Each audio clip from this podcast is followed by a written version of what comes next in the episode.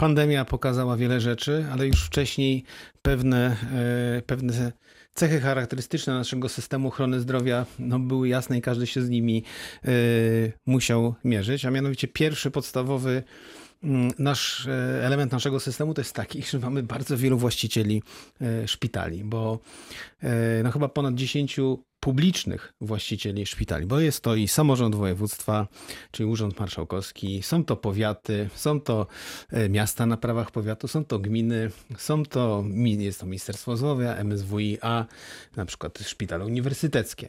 Czyli jednak biorąc pod uwagę złożoność systemu i pandemia to pokazała bardzo wyraźnie, że no, my potrzebujemy koordynacji. My potrzebu- pewne decyzje jest łatwiej podejmować, gdy jest jeden właściciel.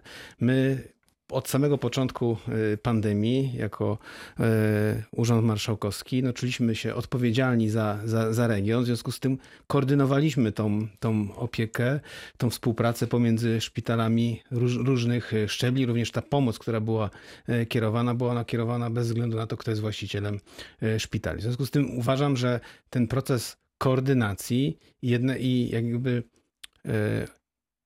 ograniczenia liczby właścicieli podmiotów ochrony zdrowia jest, jest, jest niezwykle ważny i eliminuje pewne, pewne problemy. Tylko, że mm, oczywiście podniósł, y, podniosła się dyskusja wśród y, samorządów, że to może być y, próba zabrania samorządom szpitali, ale ostatnie rekomendacje które płyną też i z, z, z ust ministra zdrowia, jak i wiceministra zdrowia, pokazują zupełnie inny model. Czyli model ma mm, polegać na tym, że szpitale, w zależności od tego, jak sobie radzą, jak wygląda ich sytuacja finansowa, ale również jak, jaka jest jakość świadczonych usług, będą zakwalifikowane do czterech różnych y, kategorii. Te, które sobie dobrze y, radzą, będą też premiowane, bo będą miały dostęp do nielimitowanych świadczeń, ale również będą miały y, premię za jakość, aż do tych powiedzmy najgorszych w, tych, w tej czterostopniowej skali, które sobie zupełnie nie radzą, gdzie